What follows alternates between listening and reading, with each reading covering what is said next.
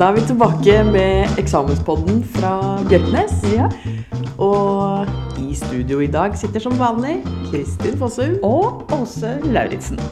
Og i dag har vi tenkt å ta opp tråden fra der vi slapp sist, nemlig Versailles-freden. Og så skal vi i dag kikke litt på hvilke konsekvenser den fikk for Tyskland.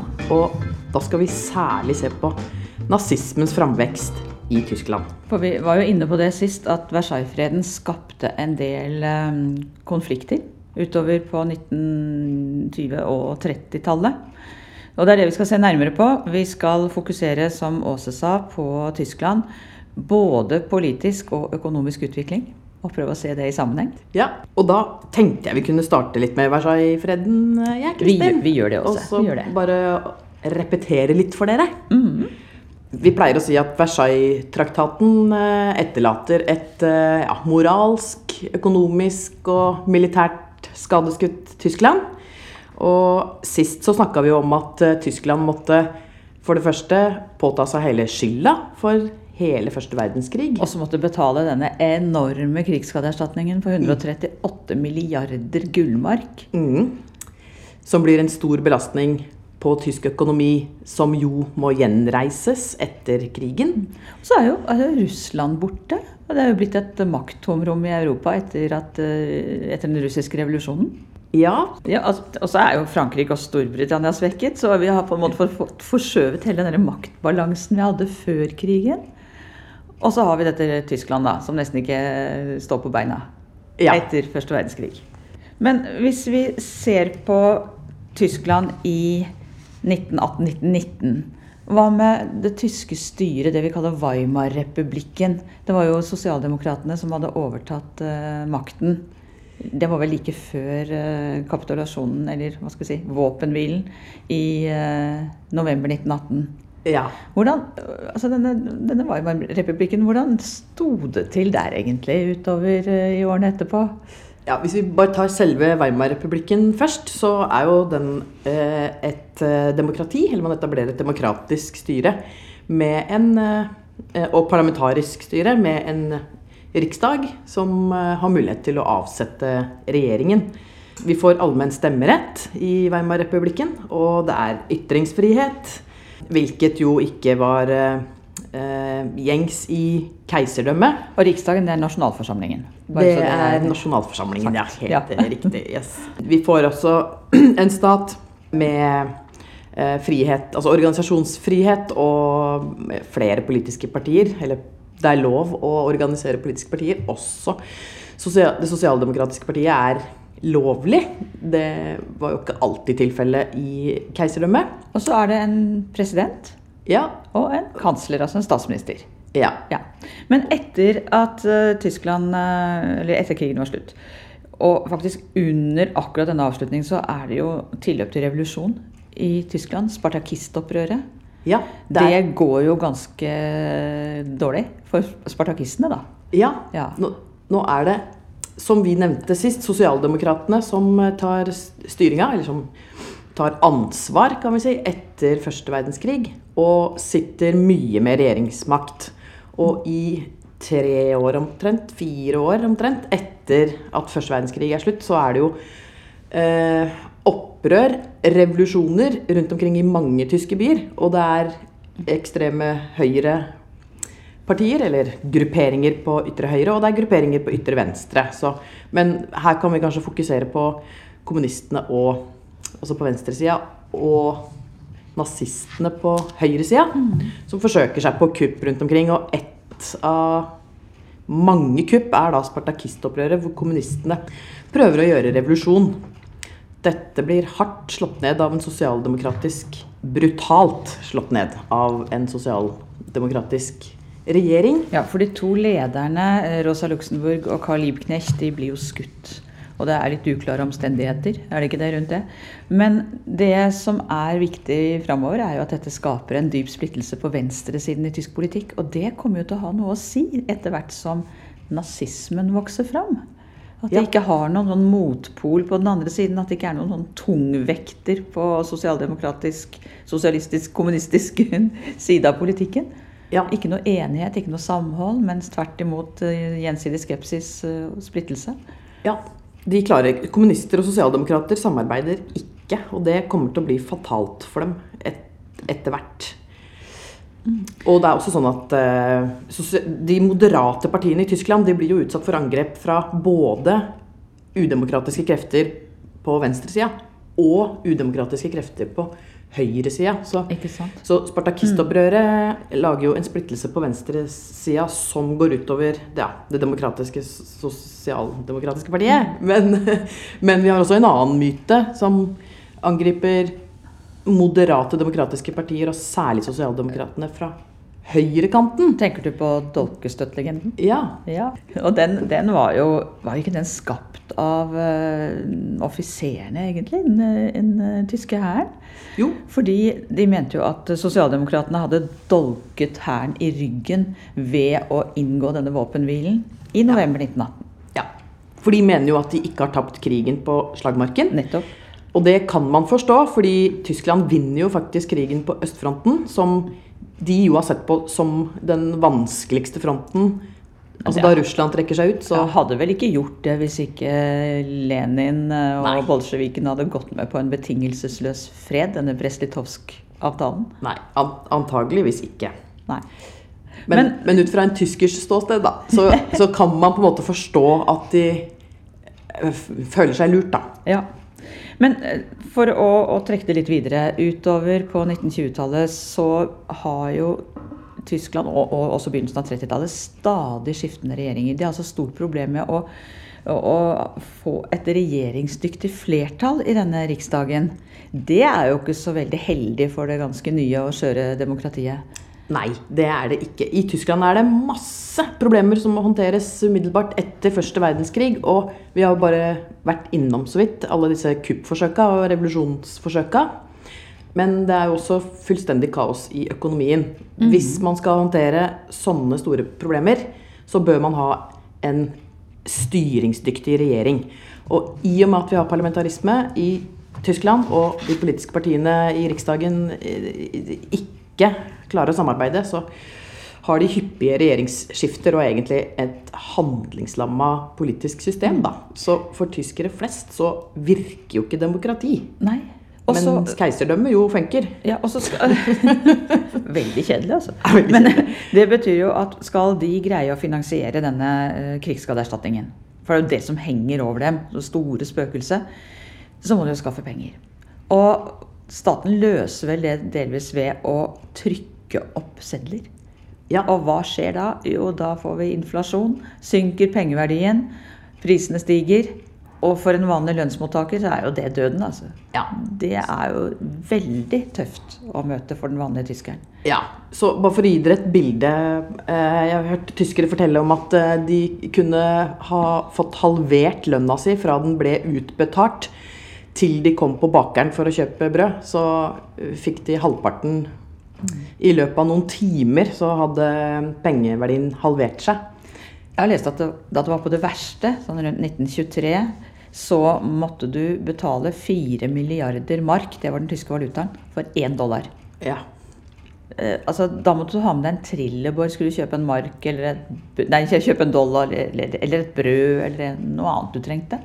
Og du måtte løpe ut og handle med en gang du fikk lønn, for eh, som eh, Åse sier, til ved lunsjtider så var ikke lønna di verdt noe mer. Nei.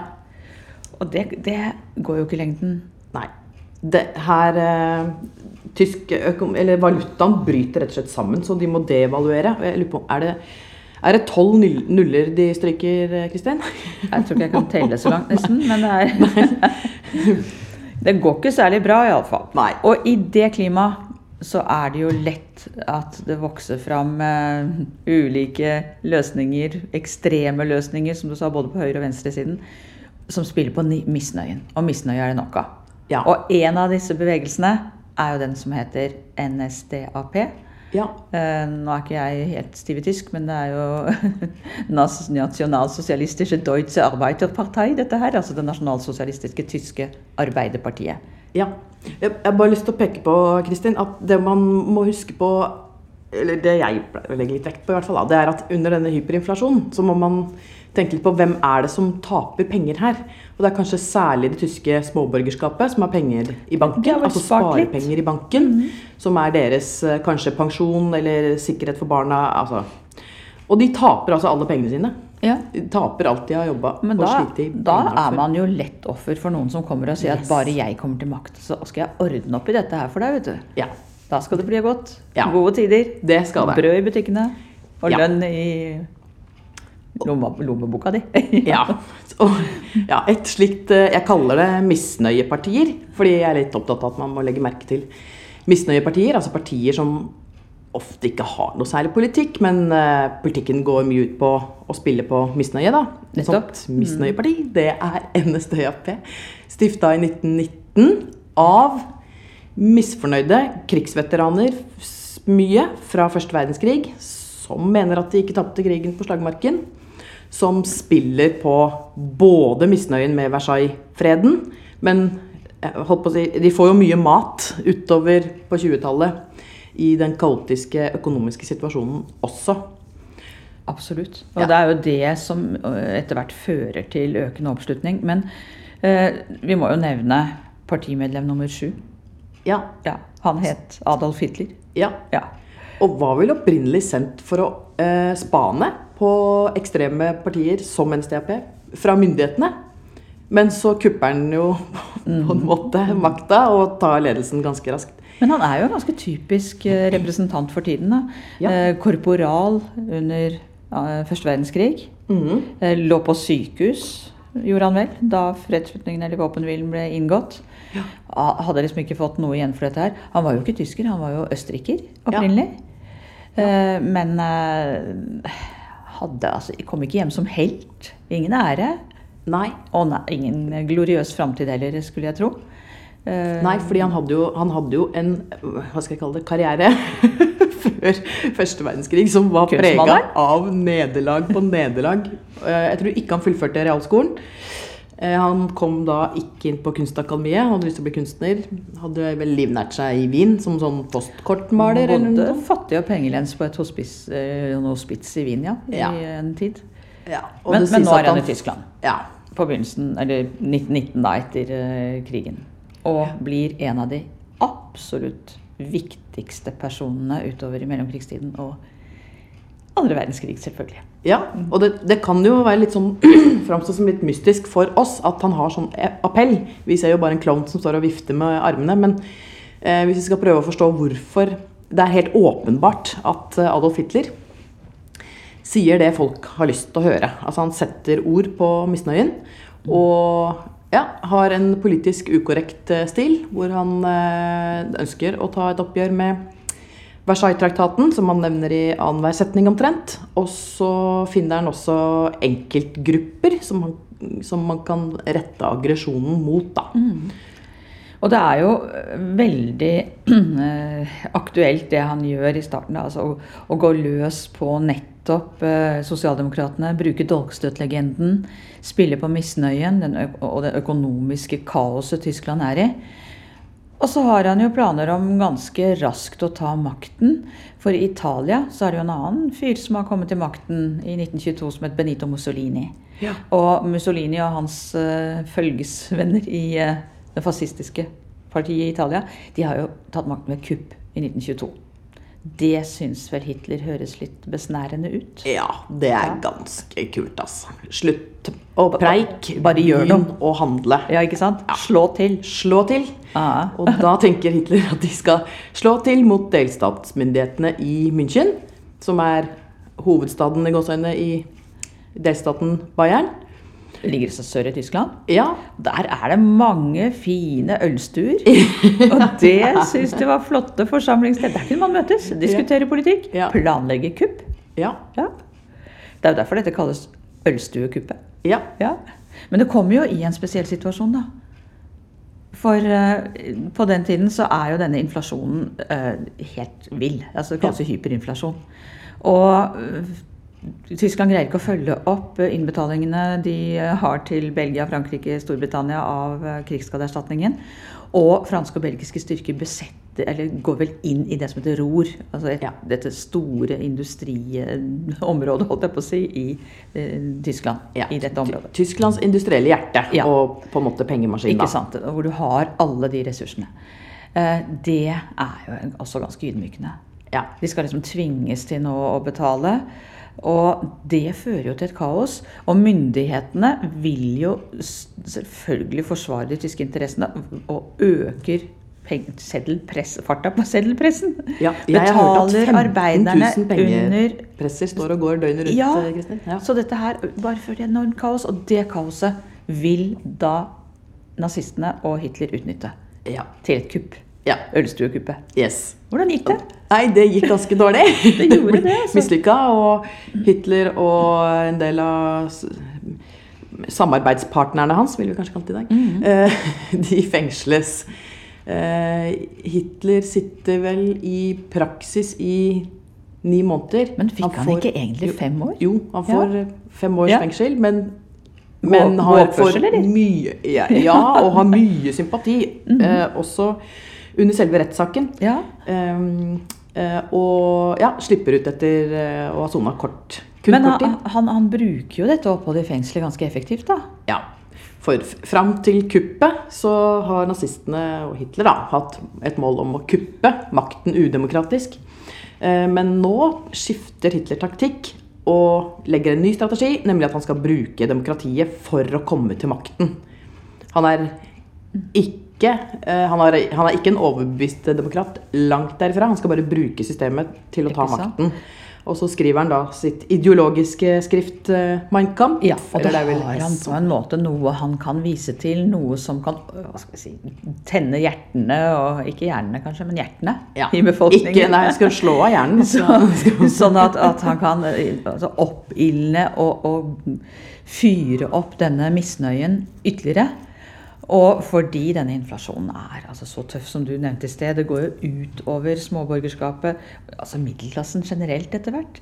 Eh, Det går ut over bøndene. Altså de mister verdiene sine. De mister surt oppsparte midler. Ja. det er klart, man kan jo forstå det Ja. uten å, uten å forsvare det og anerkjenne det, i fortvilelsen at folk venner seg til disse helt ekstreme mulighetene eller retningene. ja, for vi har ikke snakka om den beinharde Nå bare nevner jeg det. Den beinharde jobben det er å bygge opp Tyskland etter første verdenskrig. Nei.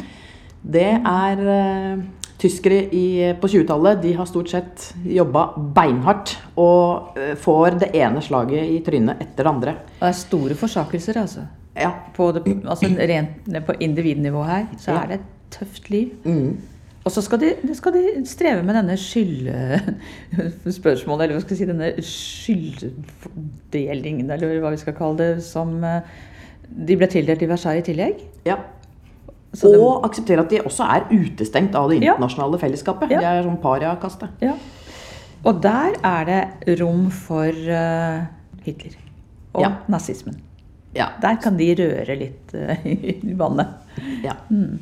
Men denne, denne økonomiske utviklingen i Tyskland, eh, det skjer jo noe i etterkant av rorokkupasjonen Ruhr-okkupasjonen eh, og hyperinflasjonen i 23-24. ja. For eh, verden utenfor aner jo at dette går helt gærent. Altså, USA eh, kommer jo på banen her. Ja, men her, her starter jo en mer sånn forsonende politikk, eller forsoningspolitikken som den også kalles, da, hvor man tenker at man i større grad, altså vestmaktene da, skal komme Tyskland i møte. Eh, og noe av dette handler om eh, at eh, USA eh, gir eh, med den amerikanske utenriksministeren i spissen, da, Daas, eh, Tyskland, lån. Altså for å få tysk økonomi opp og stå igjen, så gis Tyskland lån. Det virker. Så etter 1924 så er det en positiv utvikling i tysk økonomi. Ja, og det ser vi også at det smitter over på politikken, for å si det sånn, denne forsoningen. For Tyskland kommer jo med i Folkeforbundet. Ja. De blir tatt inn i det gode selskap. Ja, ikke sant? Mm -hmm. De eh, inngår en avtale med sine naboer i vest og sør, altså Italia, Frankrike, Benelux-landene. eh, Locarno-avtalen. Mhm. Som garanterer at de skal respektere sin vestgrense. Eh, De garanterer ingen østgrense. Men eh, jeg vet ikke om det er en forglemmelse eller om det er planlagt. Men eh, det kommer jo Lenin til å Eller det kommer jo Stalin unnskyld, til å kommentere senere. Ja. Så nå er de liksom på vei inn igjen i varmen. Og det ser positivt ut. Tysk økonomi bedres. Og man kan begynne å senke skuldrene litt nå. Ja. Kanskje også demokratiet kan få litt mer fotfeste i Tyskland. Ja, Og vi ser det på valgoppslutningen om NSDAP. ja. Den er ikke noe å rope- hurra for, altså. Nei. 2,6% tror jeg ved valget i 1928. Kan Yes. det stemme? Ja. det er noe rundt der. Ja. Altså, veldig. Vi ser at ytterpartiene mister Ja, oppslutning. det gjelder jo kommunistene òg. Ja, når det går bedre. Og at de moderate demokratiske partiene, altså sentrum, øker oppslutning. Ja. Så nå ser det egentlig veldig bra ut, da. Ser kjempefint ut. Mm. Bortsett fra en, Jeg pleier å bare peke på en bitte liten ting, og det er at Versailles-traktaten reforhandles i 1928. Ja. Og da lager de en ny nedbetalingsplan. Og den går faktisk helt fram til 1988. Altså, for Altså, du- tyskere så skal da ikke bare de betale, men barna deres skal betale på Og det her. Og barnebarna. deres skal betale på denne forhatte Ja. erstatningen. Ja. Mm. Så den gikk ikke, altså den, disse reforhandlingene gikk ikke, den, gikk ikke den veien Tyskland håpet. Nei. Men eh, det er jo interessant å se denne sammenhengen mellom optimisme og synkende oppslutning om ekstreme politiske retninger. Ja. Og da kan du jo snu det på hodet. Misnøye betyr altså større oppslutning. Ja. Og så skjer det jo noe tragisk, må vi si, Ja. for hele verden ja. i 1929. Ja, det er, og det skjer utenfor Tyskland, og eh, det er noe tyskerne ikke har eh, råderett over. på en måte. Det er helt utafor deres eh, rekkevidde. Ja, og det er krekket som dere sikkert kjenner til i eh, USA i 1929, hvor, altså, som får ringvirkninger til hele eh, den verden som USA handler med, og det er hele den vestlige verden. Ikke Sovjetunionen, men eh, til store deler av Europa i hvert fall. Og så rammer det jo da jeg tror ikke vi, skal vi, vi går ikke inn i selve cracket, Nei, men, men vi kan jo si at det rammer Tyskland ekstra hardt. Yes. For disse pengene Ja. eh, de fikk fra USA, Dawes-planen, de trekker jo tilbake alt lån, alle investeringer de har gjort i Tyskland. Ja. Dermed er Tyskland tilbake på null. Ja. Altså, De må jo begynne helt på scratch igjen. Ja. Og sek, seks millioner arbeidsledige nesten over natta. Jeg, jeg smører litt tjukt på nå, men, Ja, ja, men men er altså umiddelbar massearbeidsledighet. Mm. Og da er det ikke snakk om at velferdsstaten kommer og plukker deg opp. For den eh, fantes ikke. For den fantes ikke. Så disse seks millionene arbeidsledige, som husk på folkens, har jobba beinhardt mm. siden første verdenskrig, eller slutten, da, for å få økonomien opp på beina igjen. Mange av dem står nå på scratch Ja, igjen. Alt borte igjen. Ja. Og dette rammer jo eh, altså andre europeiske land. ikke sant? Så det er, det er sorgen over hele linja her. altså. ja.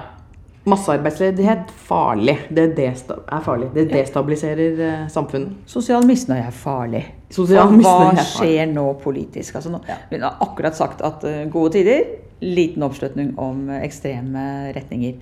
Dårlige tider, da skjer det noe. God oppslutning om Ja. ekstreme partier. Og det ser vi jo på disse valgtallene for NSDAP.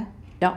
De øker jo da utover på begynnelsen av 30-tallet. ja. Så, så i riksdagsvalget i 32 Altså 1932 er det.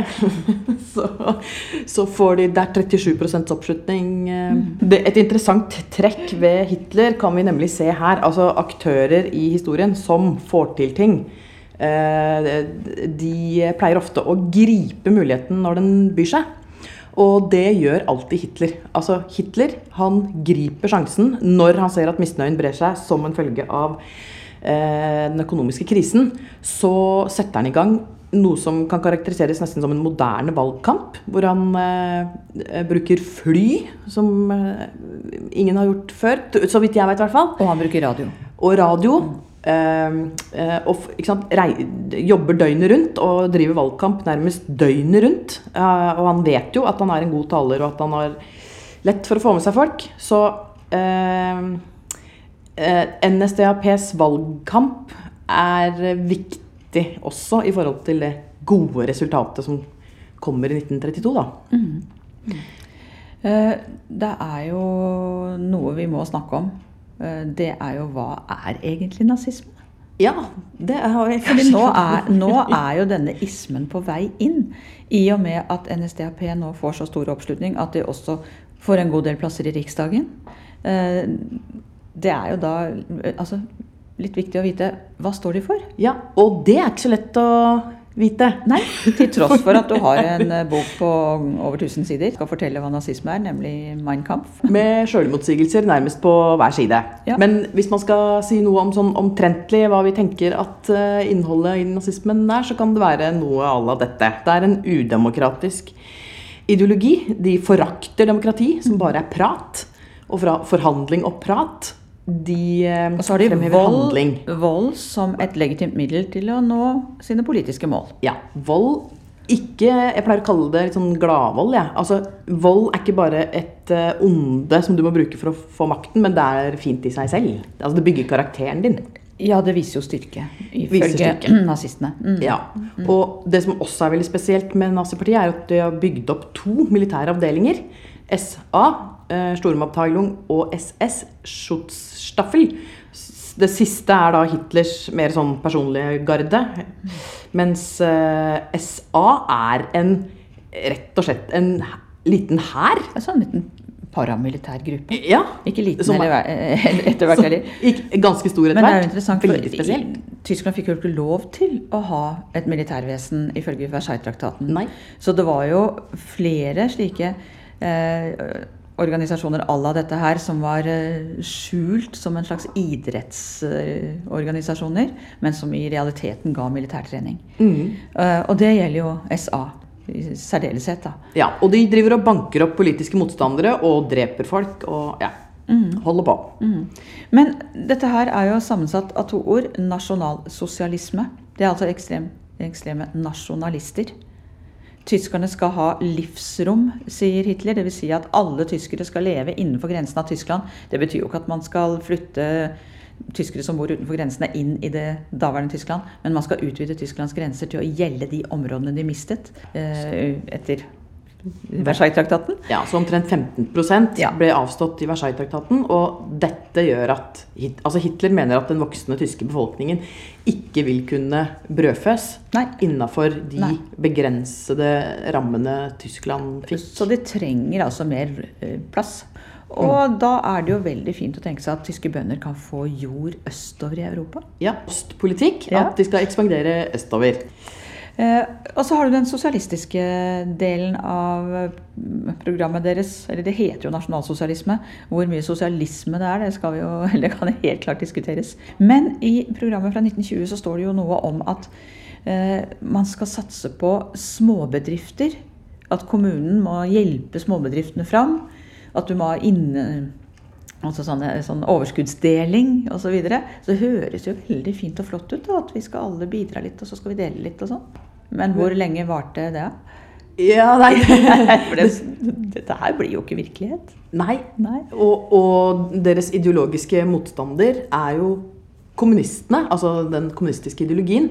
Og det går jo særlig på at kommunismen er internasjonal, altså at eh, arbeidere i hele verden skal eh, Forene seg. forene seg, eh, jobbe sammen eh, mot kapitalismen. Og eh, Men, men nazistene var jo også antikapitalistiske i utgangspunktet. For sånn på papiret så var de jo imot disse store kapitalistiske sammenslutningene av industriselskap osv. Men i realiteten så kom de etter hvert til å motta ganske store summer fra bl.a. Krupp-konsernet. Så én ting er teorien, en helt annen ting er praksis. ja. Så den sosialistiske biten av nasjonalsosialismen, den blekner jo ganske fort. Vi sitter igjen med sterk nasjonalisme. Vi sitter igjen med en voldsideologi. Vi sitter igjen med en sterkt rasistisk ideologi. Ja. For den fremhever jo den tyske rasen, eller det kaller Hitler den ariske rase. Ja, Merkelig bruk av det begrepet, men eh, Og en nedvurdering av andre. Og så er det ett punkt som er spennende, helt kaldt ord, men som er spesielt. Fordi fascismen vokser jo fram omtrent samtidig Da med rot i Italia og bevegelsen til eh, Benito Mussolini. Det er én forskjell mellom fascisme og nazisme som man nesten må påpeke. Og det er nazismens antisemittisme. Altså, de er mot jøder. Det er ikke uttalt i samme grad i fascismen. Det er vel ikke uttalt opprinnelig i fascismen, men det kommer jo veldig sterkt fram etter hvert, iallfall, i nazismen. Og til og med Mussolini påpeker jo at han mener at Hitler kunne vært en ålreit eh, kar, men han er jo helt manisk opptatt av ja. jødene. Hvorfor? Ja, det har man spurt seg. ja, nå tror jeg ikke vi skal komme med sånne kryptiske forklaringer om Hitlers barndom og sånt, men er det ikke ganske effektivt å ha en syndebukk? En ganske synlig syndebukk. Ja, men, men, det går an å påpeke at Hitler eh, er jo eh, Altså, han har levd en god del av sitt liv i Wien. Ja. Og at antisemittismen mm. sto sterkt i Wien. Ja. Med sterke jødiske finanshus som Rothschildene f.eks. Mm. Ja, det har vært pekt på det. Det har vært pekt på at han ikke ble godtatt inn på Kunstakademiet fordi øh, den eh, opptakskommisjonen var, besto av jøder osv. Det er vi veit ikke. Og så men... spiller han vel på en europeisk tradisjon med skepsis til jødene. Vi kjenner det jo langt ja. tilbake. Vi kjenner det fra svartedauden. Altså, vi kjenner det opp gjennom historien. Så han, han, fyrer jo bare opp under noe som har eksistert yes. lenge. Og han bruker det jo for alt det er verdt. Og det får jo grusomme og katastrofale følger. Etter hvert så gjør det det. Ja. Så, men i utgangspunktet så bidrar det jo til uh, å få oppmerksomheten vekk fra eh, viktige problemer. Ja. Og, og, også problemer med NSTAP. Altså, ja. Det er en flott avledningsmanøver. Har du litt sånn eh, konflikter og problemer innad, så skaff deg en ytre fiende. Yes. Og det gjør Hitler. Og så kombinerer han da ganske eh, effektivt kommunistene og jødene. Så det verste du kan være, det er jødekommunist. Ja. ja. Og at det er en konspirasjon, da. Ja. En stor konspirasjon. Og det er jo interessant, for i dag er jo dette med konspirasjonsteorier uh, oppe. ikke sant? Men, men ja. det var nazistene, eller Hitler, rågod på. Det var de. Og dessverre ser det ut til å være, ganske, ha vært ganske effektivt. Ja. Da, men da er vi kommet fram til Vi er kommet til 1932. Eh, til 1932. At NSDAP gjorde godt ved valget. Hitler inviteres da inn i regjeringen, altså i en borgerlig koalisjonsregjering. Eh, og får rikskanslerposten. Og det, det gjør han fordi jo NSDAP er det største partiet i, i eh, Riksdagen. Og president Hindenburg han tenkte vel, eller han og hans uh, likesinnede, de tenkte vel som så at det er bedre å ha dem inni varmen og kunne kontrollere dem, enn å ha dem som løs kanon utenfor det politiske systemet, holdt jeg på å si, utenfor uh, Riksdagen. Og det er der han kanskje ikke kjente sin uh, Pappenheimer. Ja. Og en av de andre borgerlige lederne, von Papen, uh, han uh, mener vel noe i retning av at Hitler kan brukes som syndebukk. Altså ja. hvis, går, hvis det går gærent, da, så kan de skylde på mm. Hitler. samtidig som man vet at Hitler er god til å få med seg folk. Da. Mm. Så, men de tror nok at de skal spille Hitler på en måte som en marionette. da. Mm. At de skal sitte bak, og så skal Hitler være frontfigur. Men de, skal, altså de, de andre borgerlige partiene skal styre. Mm. For Hitler kommer altså inn i Eller Hitler og flere fra NSDAP kommer inn i Riksdagen i januar 1933. Og så er det enda et valg i 1933. Det må du snakke om. Nei, for, for nå har jo NSDAP kommet inn i regjeringen. Eh, og har, vi vet jo at de har brukt vold tidligere mot politiske motstandere, men nå er det gjennomført. Og det er gjennomført både politiske mord, det er eh, fengsling av politiske motstandere. Det er jo nå konsentrasjonsleirene i Tyskland oppstår. Så det sies jo at fra 1933 og framover så sitter det altså over 30 000 mennesker i leire i Tyskland. Fram til krigen bryter ut i 1939. Da øker tallet. Så nå er det en systematisk eh, aggresjon mot politiske motstandere.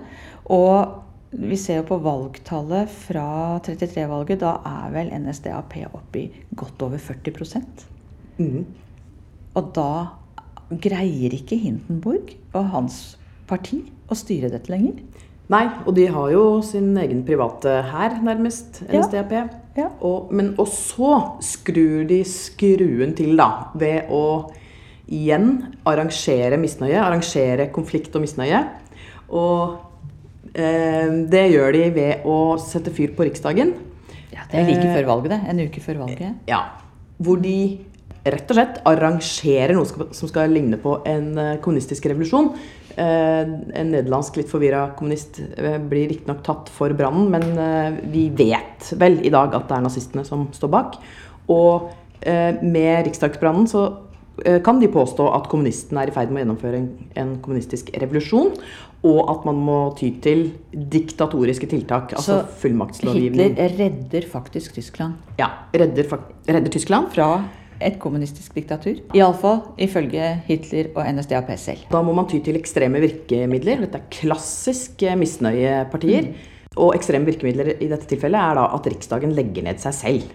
Og så får vi disse fullmaktslovene som, Som da overfører makten fra Riksdagen til regjeringen. og inn, i eh, realiteten innfører diktaturet. Men da har vi iallfall sett litt på hvordan Hitler kom til makten. Og det viktige å legge merke til her er jo blandingen av politikk, eh, sosiale vilkår, altså misnøye, eh, Versailles-traktaten selvfølgelig, og bestemmelsene der, hvordan det kom til å virke inn både på det politiske og økonomiske klima, og hvordan da den politiske utviklingen er med på å forme politikken. Og så har vi selvfølgelig da enkeltmennesker, altså aktører som Hitler, som var ganske avgjørende i en sånn situasjon. Ja. Pass dere for misnøyepolitikere, folkens.